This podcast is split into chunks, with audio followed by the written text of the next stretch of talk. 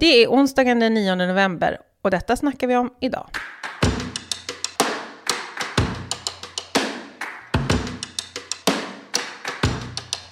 Sverigedemokraterna, Moderaterna, Kristdemokraterna och Liberalerna har lagt fram sin första budget. Resultatet av de här fyra partiernas samarbete är smärtsamt tydligt.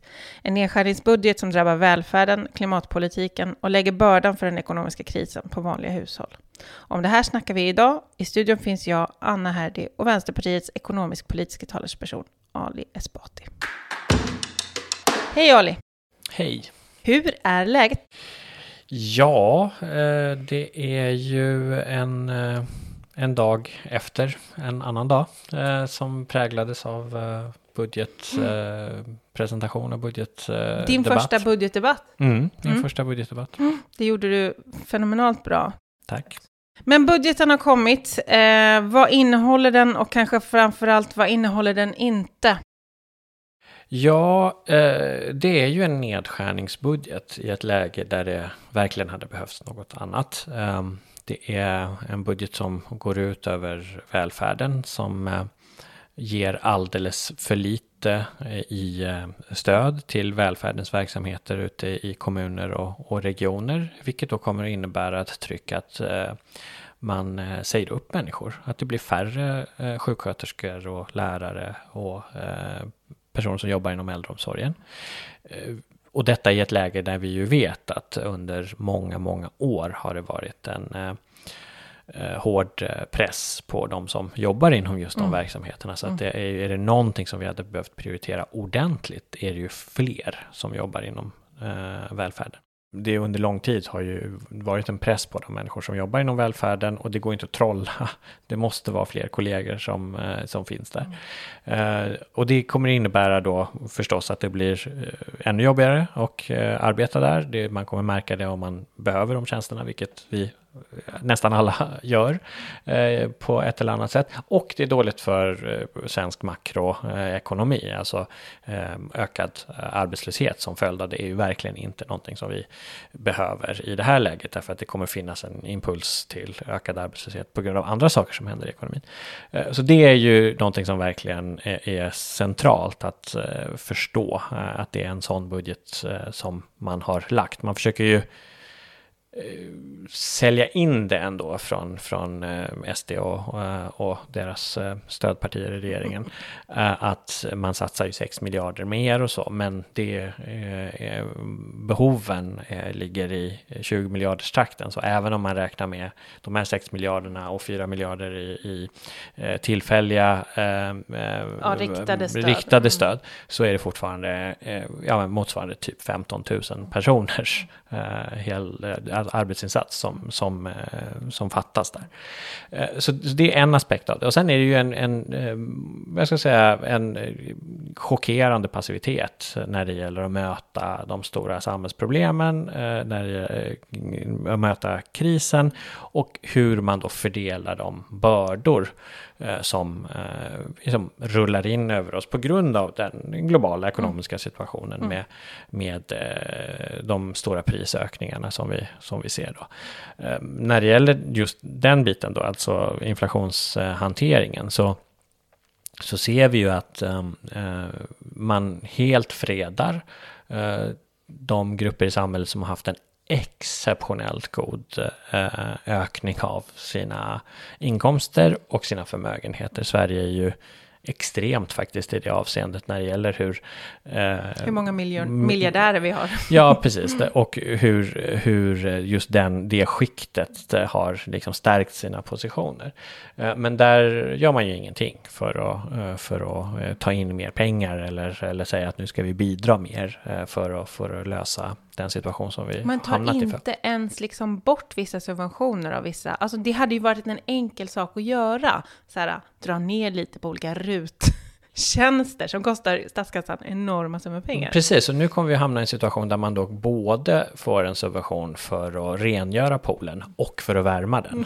Mm. Uh, det, det känns som en ganska problematisk mm. prioritering i det här mm. läget. Och, och samtidigt då så har vi ju eh, en situation där de grupper som har de minsta marginalerna eh, kunde ha fått eh, åtminstone tillfälliga stöd. Vi har ju presenterat ett antal sådana förslag fastän vi liksom sitter i en oppositionssits. Det finns en rad saker man kan göra eh, som är eh, ganska träffsäkra eh, och som hjälper eh, hushåll med väldigt små marginaler som inte har någon annan möjlighet att fixa sin situation, att komma över den här värsta eh, puckeln eh, när det gäller eh, prisökningar som står rakt in i deras privatekonomi. Det gäller folk som har, är långtidssjuka, som, har, som går på försörjningsstöd, men också folk som har väldigt låga inkomster. Eller garantipension? Eller Ja, liksom. mm. Nu just när det gäller garantipensionen ska man ju mm. komma ihåg att där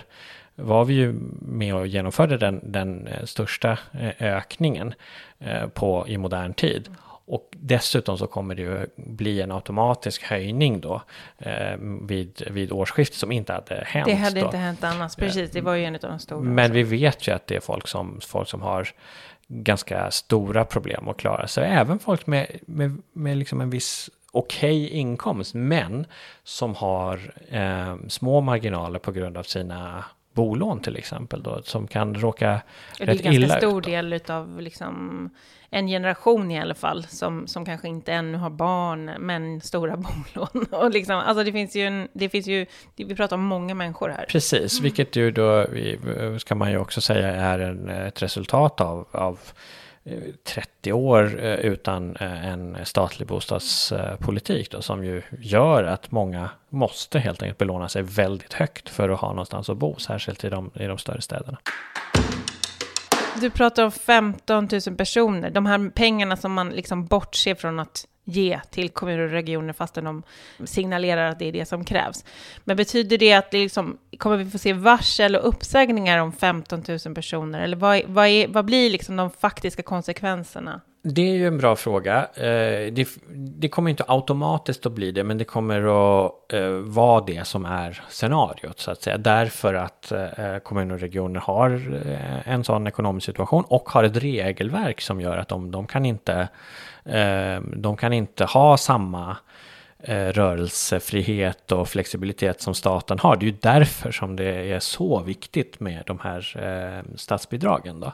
Ehm, och tittar man i, budgeten dessutom så ser man att bortåt 2025 redan så, så tänker man att man ska komma upp i det, det som kallas för god ekonomisk hushållning. Det innebär ju överskott på 2% Så det skulle bli ytterligare bördor om inte någonting väldigt eh, dramatiskt händer. Men vad, vad händer då? Jo, det som händer är ju att en del kommuner kommer att ställas inför eh, eh valet eller, eller pressen att, att höja skatten. Eh, på andra håll så eh, handlar det om att eh, hitta lite kreativa kreativa sätt att agera. Eh, och så kommer det handla om, om, om uppsägningar. Eh, och jag tror att det är oerhört viktigt för eh, de vänsterpartister och andra som finns där ute i kommun-Sverige och i regionerna att man jobbar väldigt aktivt med det här. Att se till att eh, naturligtvis där man kan freda just eh, välfärdens verksamheter, inte eh, helt utan liksom bråk, bara gå med på att oj, nu är det mindre pengar, nu måste vi, nu måste vi säga upp folk, utan verkligen, verkligen försöker freda välfärdens liksom proffs.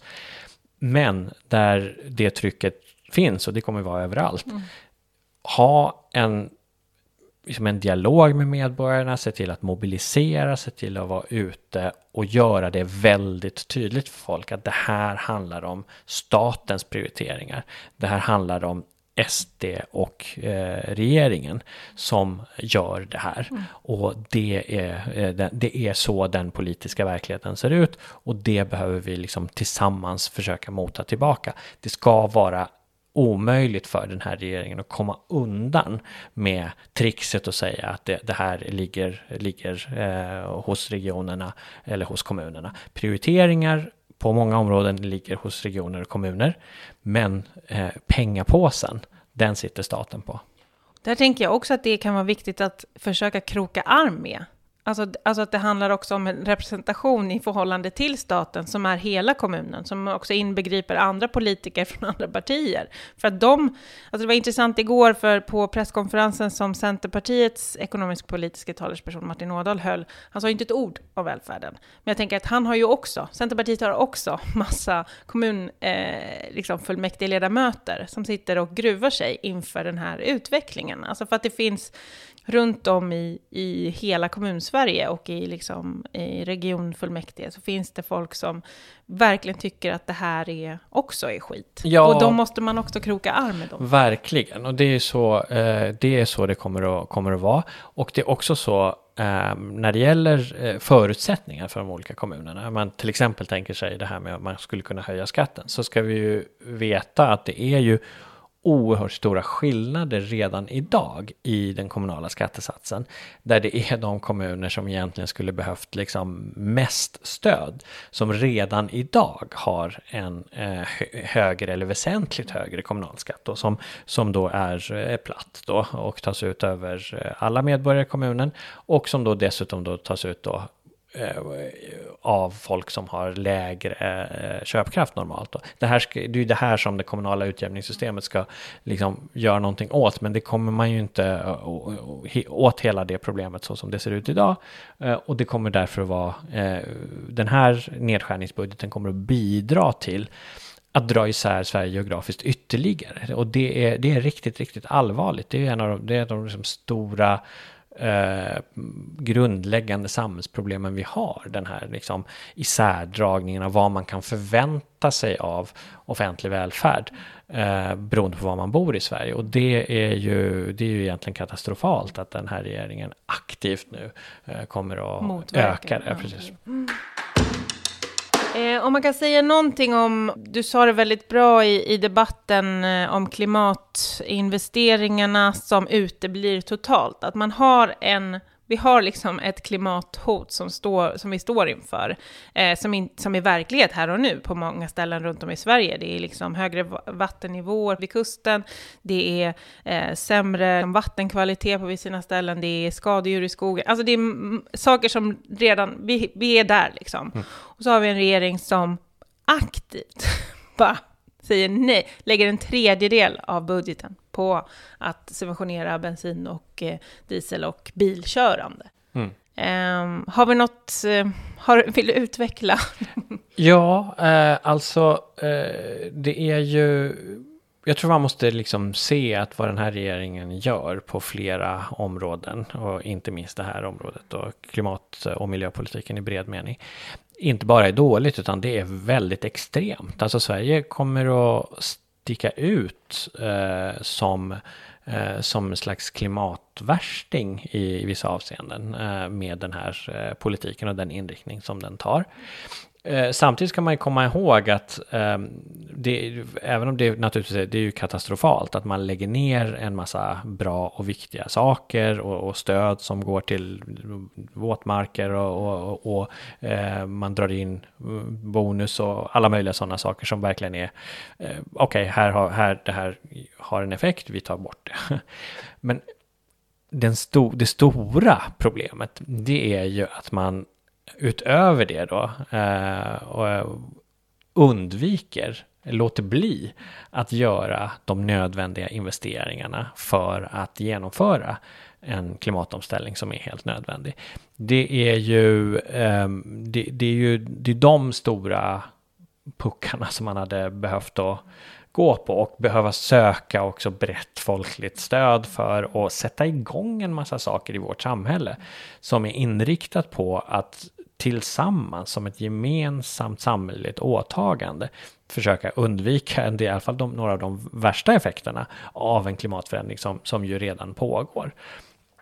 Och då handlar det ju om, det handlar om att föra över eh, person och godstrafik till räls. Det kräver stora investeringar, men nödvändiga. Vad gör den här regeringen? Ja, den tar ju till och med bort pengar från järnvägsunderhållet som man har Eh, haft en känsla de senaste åren att det går liksom för bra eh, att åka tåg i Sverige. Då hade det här varit en rimlig politik, men det, det tror jag ingen vid sina sinnesfulla bruk eh, eh, tycker. Eh, men det här gör man ändå, man gör den avvägningen liksom. Eh, och eh, verkligen in, och just det, man mm, liksom skrotar i planerna på höghastighetståg eh, och eh, överhuvudtaget då så går man i helt fel, fel riktning. En, en annan stor grej förstås hade, är ju hela energipolitiken där man behövt stärka överföringskapaciteten för, för el mellan olika delar av, av Sverige. Man har behövt eh, göra ordentliga satsningar för, för rejält utbyggd eh, vindkraft och andra eh, eh, förnybara energikällor. Det enda regeringen har att komma med är Alltså det är ju inte ens att säga, ja men vi satsar allt på kärnkraften, utan vi satsar allt på att prata om kärnkraften. Det är ju det som händer, man gör liksom frågan om, om kärnkraft till någon slags liksom eh, kulturkampsfråga, hur man liksom känner inför ordet kärnkraft. Därför att en som man hade tyckt att det var en bra idé att säga, vi skiter i allt annat, vi bara kör kärnkraft för hela slanten. Ja, då kommer man ju titta, ja, men vad gör ni då på det området? Jo, de satsar 80 miljoner kronor. Och det är som jag sa i debatten, det är, det är nästan pengar som man kunde skramla till på regeringskansliet.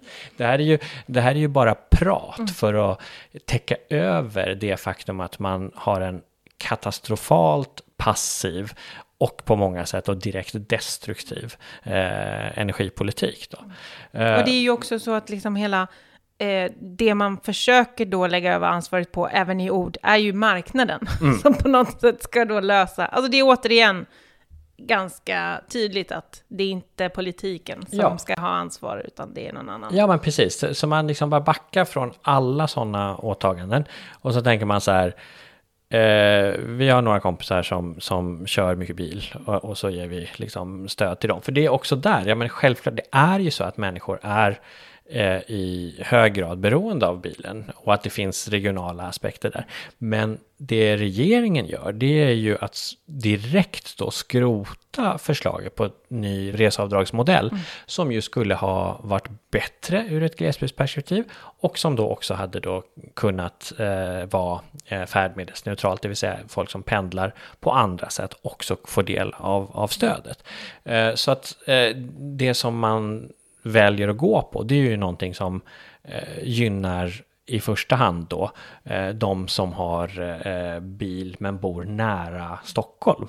Eh, de som bor i de här moderattäta förorterna, där ser man liksom stora fördelar med att regeringen har skrotat de här mm. planerna på ett nytt reseavdragssystem. Mm. Och det kan man, man kan se på punkt efter punkt när det gäller eh, energieffektivisering av bostäder. Där man, är det ju ett jättestort gemensamt åtagande som vi skulle kunna ha och sätta igång med. Vad gör regeringen då? Jo, man, man eh, schabblar med eh, investeringsstödet som är, hade varit eh, väldigt viktiga inte minst i ett läge när vi är i akut behov av en offensiv eh, bostadspolitik som både handlar om nybyggnation och ombyggnation. Och som inte nödvändigtvis är inflationsdrivande, den formen av investeringar som liksom kan göra att människor får någonstans att bo. Det är bra. Ja, eh, alltså så, så, är det ju. Sen finns det ju, jag menar, det finns ju, vi måste ju också se på att det finns liksom på grund av förändrat ekonomiskt läge så får man ju sätta igång med vissa saker före andra. Eh, det kommer finnas liksom problem med tillgång på olika områden, men det är ju helt klart att vad den här regeringen gör, det är eh, i huvudsak ingenting. Och det är inte bra. Ett annat område där de inte gör eh, någonting alls är ju arbetsmarknadspolitiken. Ett av LOs främsta liksom, kritik verkar ju vara, vad är arbetsmarknadspolitiken? För arbets, arbetslösheten är ju ett stort problem för ekonomin. Den är alldeles för hög nu eh, och de gör in, absolut ingenting. Eh, känns det som, för att minska den. Jag tror det är fel att säga att de gör ingenting. De gör eh, ganska stora saker, nämligen eh, ta bort massa pengar. Mm. Eh, och det är ju verkligen helt eh, otroligt egentligen. Eh, alltså, vi har haft en eh, mandatperiod där eh, eh, de här eh, januari partierna, alltså Centern och Liberalerna under eh, de här tre åren som de höll på, var ju väldigt inriktade på att förstöra arbetsmarknadspolitiken och kom en bit eh, på, på vägen också. Alltså haveriet med, med Arbetsförmedlingen eh, som har fortsatt eh, och eh, en allmän liksom överflyttning av eh, eh resurser och system bort från en, en, eh, aktiv offentlig arbetsmarknadspolitik till att tänka att liksom olika typer av liksom privata kommersiella aktörer ska liksom hjälpa till. Men det vi ser nu är att man dessutom tar bort pengar eh, som, eh, som då kan leda till ännu mer av, eh, av problem. För de, de här, att ta bort de här pengarna är, är, ju inte på grund av att det kommer bli eh, mindre volymer som man pratar om i de här sammanhangen, utan det är ju helt enkelt att det blir mindre pengar och det kommer inte gå och göra, eh, göra eh, bra eh, saker ens där liksom, eh, idéerna finns. Dessutom ska vi komma ihåg så eh, gör man ju nedskärningar på andra håll, till exempel på folkbildningsområdet. Eh, där är det ju eh, en hel del väldigt viktiga saker som görs för vuxenutbildning och så vidare. Då. Alltså, som tillsammans med annan arbetsmarknadspolitik skulle då eh, skapa ändå vissa möjligheter för folk att kunna komma tillbaka till arbetsmarknaden snabbare. Så att det är verkligen en, en eh, oerhört farlig politik skulle jag eh, säga. Men det är för att man faktiskt inte bry sig om, om de människorna. Idén är ju fortfarande att eh, blir du arbetslös så är det liksom lite av en personlig defekt och du får liksom helt enkelt sänka dina löneambitioner så kommer du att komma tillbaka till jobbet och det är ju inte så arbetsmarknaden fungerar i verkligheten. Mm.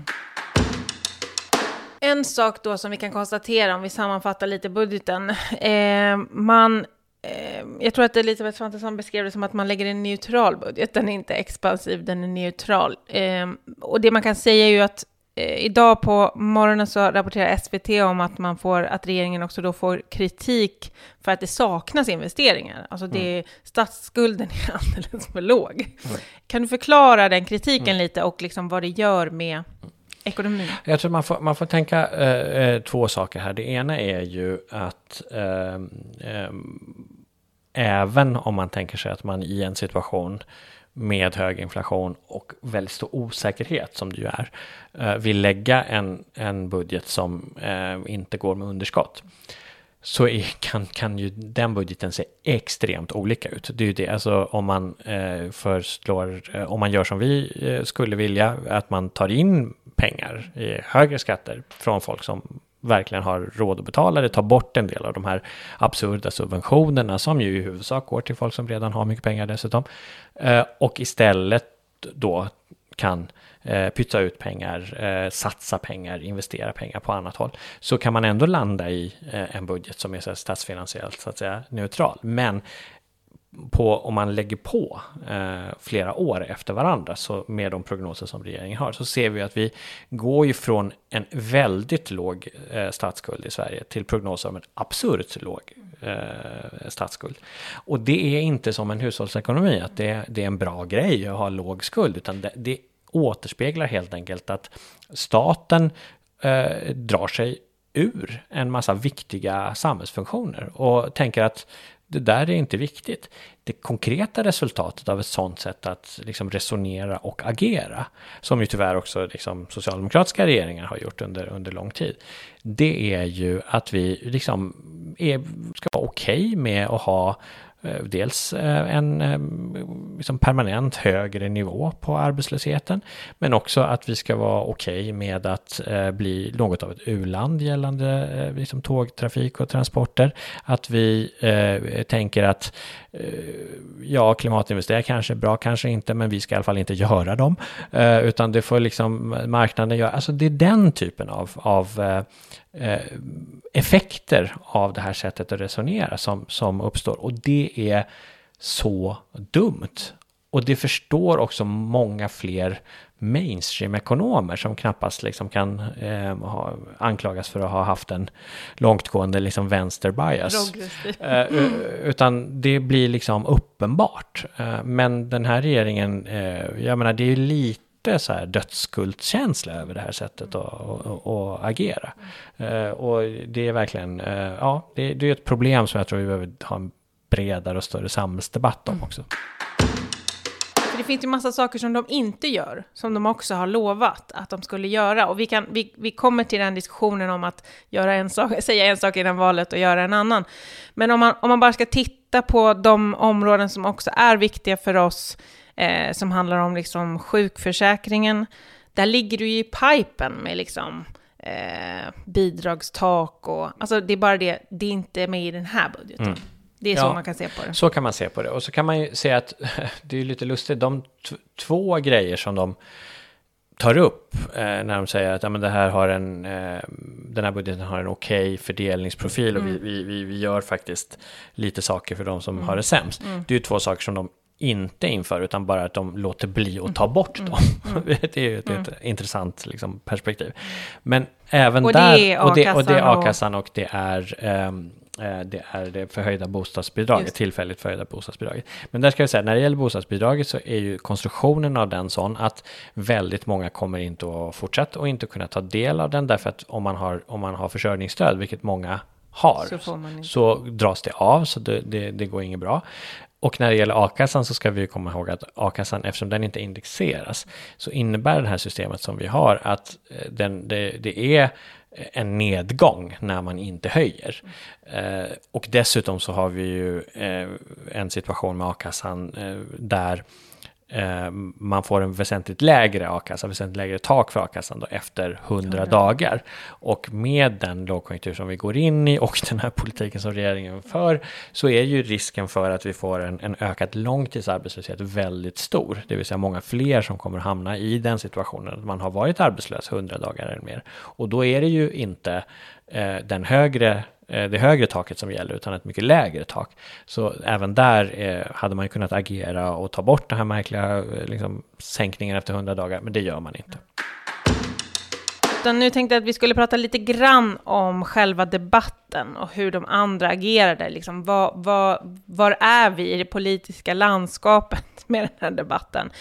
Eh, jag noterade till exempel att Oskar Sjöstedt, som är Sverigedemokraternas ekonomisk-politiska talesperson, kallar sig själv då och regeringen för slottspartierna. De försöker liksom äga eh, de, de fula ord vi kastar på dem det är ju första gången de sitter och faktiskt måste ta ansvar för en förd politik. Vad, vad, vad kan man tänka om det och vad, vad, hur kan man se på deras eh, sättet att också kunna kräva ansvar? av Mm.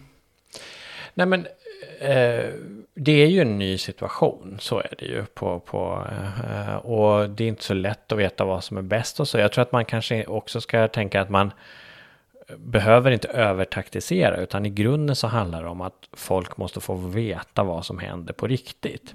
Och det är ju det som är eh, också det stora eh, sveket här. Det är ju, jag menar, jag är ju inte ledsen för att de inte eh, har ännu mer högerpolitik. Jag har verkligen tillräckligt god fantasi för att kunna tänka mig att de här människorna kunde hitta på ännu värre saker.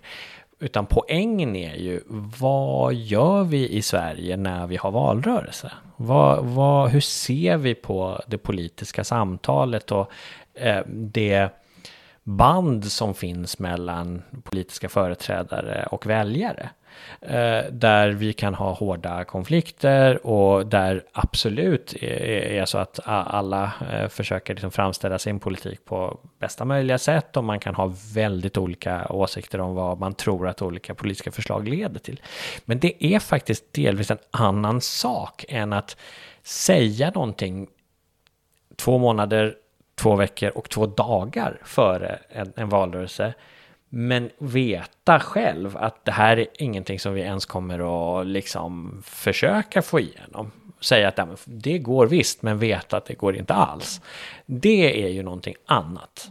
Eh, och det är så den här valrörelsen har sett ut från högerkanten. Alltså när det gäller bensinpriserna, ja, det, det är klart att det är det hade varit eh, liksom bisarrt om man hade lagt liksom 100 miljarder till på att, att eh, försöka sänka bensin och dieselpriser.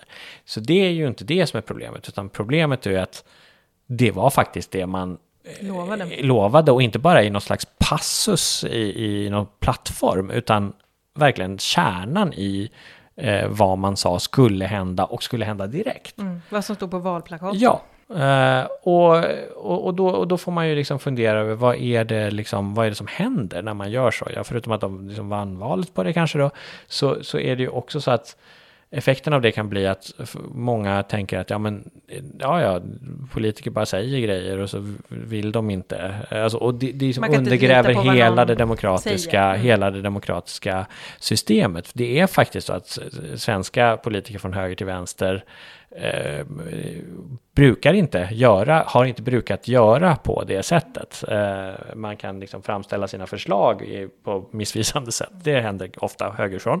Men det är liksom en annan sak än att ljuga rakt ut om vad man liksom har för intentioner. Eh, så det är ju liksom verkligen någonting som också bör diskuteras i eh, relation till hur Sverigedemokraterna är som parti och vad, vad som är deras liksom funktion.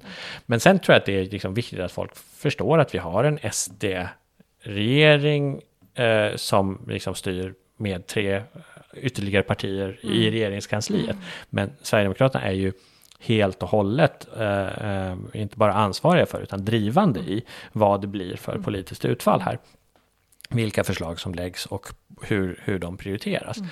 Eh, och de, de ska naturligtvis inte eh, kunna eh, komma undan från ansvaret för effekterna av den, eh, av den politiken. Men som du säger, alltså när, när Oscar Sjöstedt eh, försöker liksom reclaima eh, slottspartierna eh, eh, begreppet så, så tror jag att det också är så eh, för att jag menar, makt är viktigt för Sverigedemokraterna och bilden av makt är viktigt för eh, en del av deras kommunikation med sina kärntrupper. Att, att man ska känna att nu är det en nyordning mm. som, eh, som gäller. Uh, och, uh, och det... De ja, vill knytas de, tajtare till makten för det betyder att det, bilden av att de bestämmer blir ännu tydligare. Ja, och, och jag menar i den rörelsen så är ju um, sådana här saker som att signalera eh, styrka, revansch mm. i viss mån mm. som man säljer in. Det är inte oviktiga saker för deras liksom, mm. eh, eh självbild mm. och det, det de, hur de vill mm. iscensätta sig. Så att det, det är ju komplext eh, på det sättet. Men det som inte är komplext det är ju att eh, självklart så är det viktigt att så många som möjligt förstår vad som händer i, i svensk politik. Och då eftersom de här människorna inte har alltid ett intresse av att berätta det så, så är det ju en viktig roll för en vänsteropposition att vara där och, mm. och prata om saker så som de faktiskt är. Och det är ju tydligt att de, du ställde ju frågan också till Oskar Sjöstedt som handlar om pensionerna. De säger mm. och de skrev på plakat och det var liksom 2000 kronor mer i pension. och, och Oskar Sjöstedts svar till dig var, ja regeringen har suttit tre veckor, eh, men ett nytt pensionssystem kan vi inte få till eh, under den här mandatperioden, men däremot så ska alla partier få bjudas in till en liksom, pensionsgrupp. Du hade ett väldigt bra svar på det.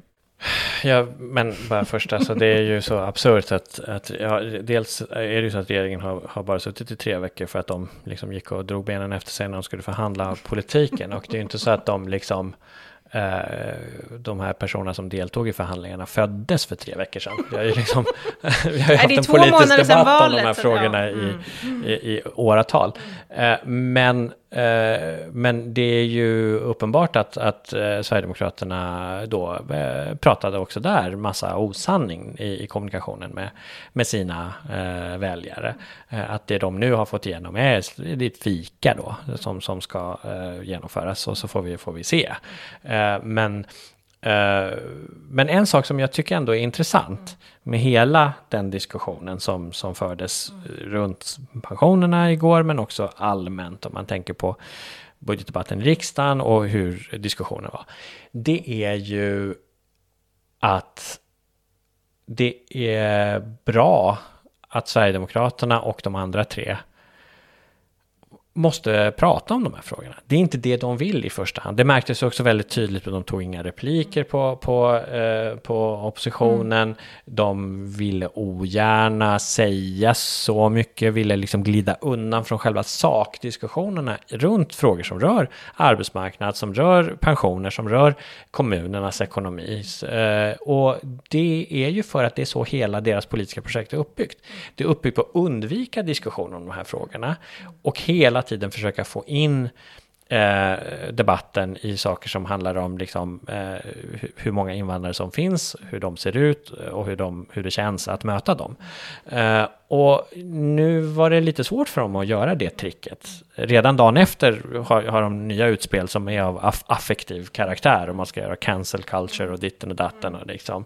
Eh, men jag tror att det här är nyckeln till att föra en vettig progressiv oppositionspolitik, att hela tiden tvinga tillbaka dem till att prata om de sakerna som rör välfärden, arbetsmarknaden, kommunerna, eh, fördelningen av, av, av bördorna. Varför är det så att, att ni låter eh, bankdirektörer ha samma skattesats som, som tidigare samtidigt som ni eh, vill införa någon slags eh, liksom, eh, fat, aktivt fattigdomsskapande eh, åtgärder för de som har de minsta resurserna här i samhället. Alltså, eh, det, vad de inte vill prata om är ju en indikation om vad vi bör vilja prata Det blev ju också en nyhet igår, eh, journalisten skrev om det, att eh, Anders Holmberg har bjudit in alla statsråden och ingen tackar ja till ja, sitt program 30 minuter. Det som är så kul. Alltså det, det är ju Eh, eh, gissar jag, ganska svårt för vilken politiker som än skulle vilja komma dit. Men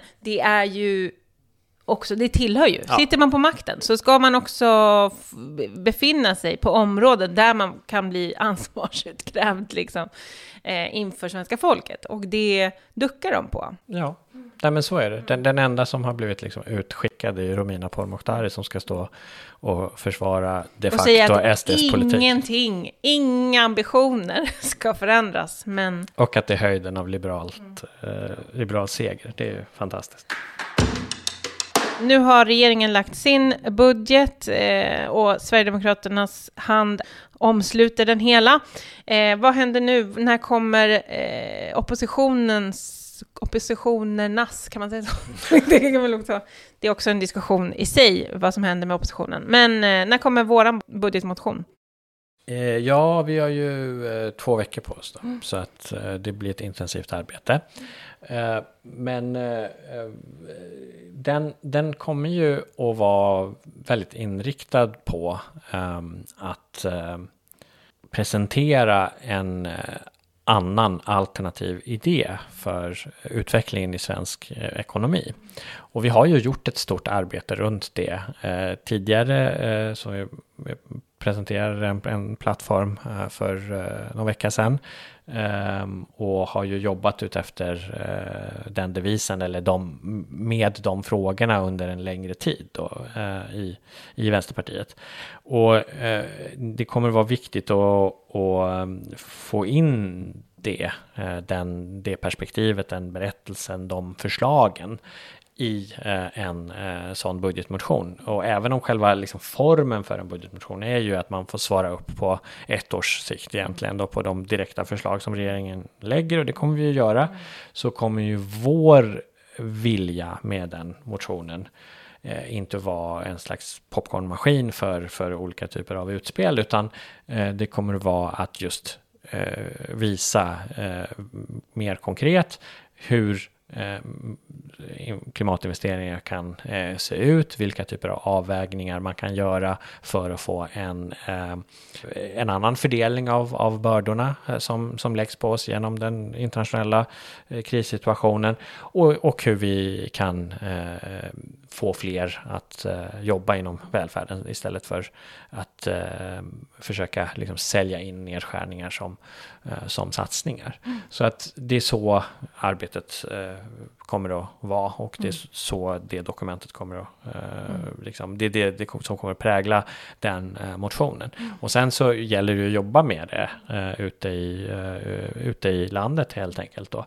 Eh, att göra vår politik känd för, för fler men också att omsätta den i, i handling eh, där man befinner sig. Om man jobbar kommunalt eller i, i regionerna så är det ju eh, viktigt att vi tar, som jag var inne på tidigare, också strid eh, mot nedskärningar och, och eh, liksom använder eh, demokratins hela klaviatur så att säga. Att man måste kunna agera på olika sätt och eh, få med medborgarna i eh, både begripa eh, ansvarsförhållandena i, i, politiken och se till att göra det svårare för politiker att, att genomföra nedskärningar och försämringar.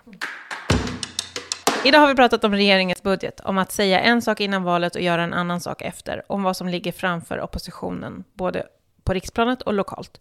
Vad tycker du att vi ska prata om i kommande avsnitt? Gör som många redan gjort till en tradition. Skicka in ditt förslag på ämne till podd och det ska vara podd med två D. Tack för att du har lyssnat.